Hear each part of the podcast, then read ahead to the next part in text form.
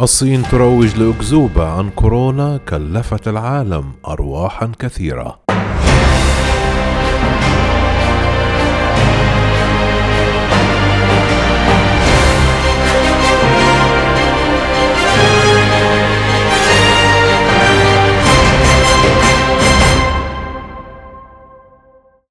كشف علماء منظمات صحية غربية أن الصين تبذل جهودا كبيرة لإخفاء حقائق حول فيروس كورونا الذي أصاب حتى الآن أكثر من 66 مليون شخص حول العالم وقتل أكثر من مليون ونصف المليون شخص منهم.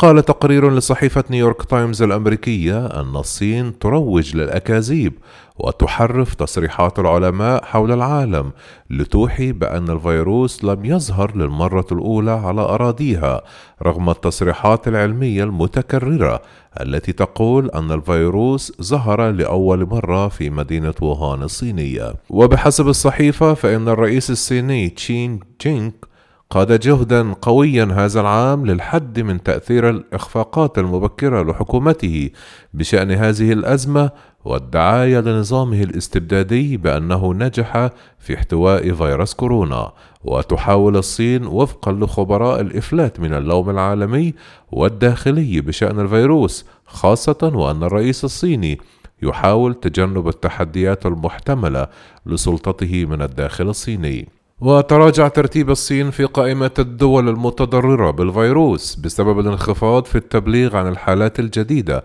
المسجلة في البلاد، لكن اقتصاد البلاد تضرر بشكل كبير متأثرا بتدهور الاقتصاد العالمي وضعف الطلب على البضائع الصينية. كما أن السمعة الدولية للصين تضرر بشكل كبير نتيجة الأنباء عن تعتيمها على الوباء وفشلها في التعامل المبكر معه.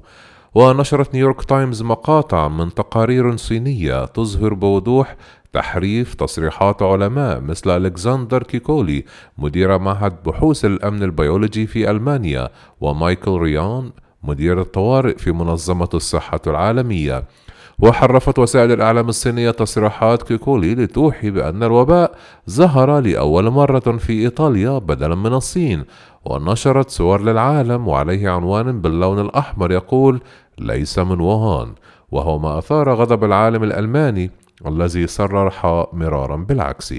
قالت وسائل الإعلام الصينية أن مايكل ريون يعتقد أن الفيروس ظهر في مختلف مناطق العالم ولكن تصادف اكتشافه في ووهان أولا في حين أن مدير الطوارئ في منظمة الصحة العالمية قال إن العالم بحاجة إلى البدء من حيث وجدنا الحالات الأولى وهو في ووهان في الصين.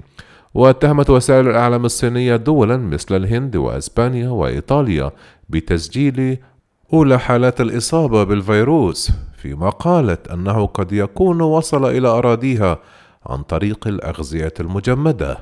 لكن منظمة الصحة العالمية تقول أن احتمال أن تنتقل العدوى عبر الأغذية المجمدة احتمال ضعيف كما لم تقدم الصين أي أدلة على ظهور الحالات المبكرة من العدوى في دول أخرى.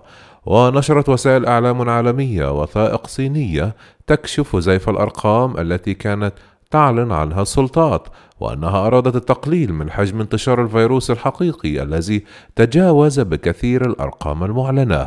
وربما تصل إلى عشرون ضعف الحالات. إذ كانت السلطات تبلغ عن تفشي الإنفلونزا بأعداد كبيرة في حينها. المثير في الوثائق أنها لا تكشف التلاعب في الأرقام فقط إذ أن البروتوكولات والاختبارات التي استخدمتها لرصد وتحديد الإصابات لم تكن صحيحة أيضا حيث كانت توجه الكوادر الطبية إلى أن فترة الحضانة للمرض هي 23 يوما. وفي وقت تؤكد منظمة الصحة العالمية أن الإصابات الأولى ظهرت في ديسمبر في عام 2019 في ووهان انتظرت بكين حتى الثالث والعشرون من يناير لفرض حجر صحي على المدينة الواقعة في وسط البلاد بعيد اعترافها بأن الفيروس ينتقل بين البشر.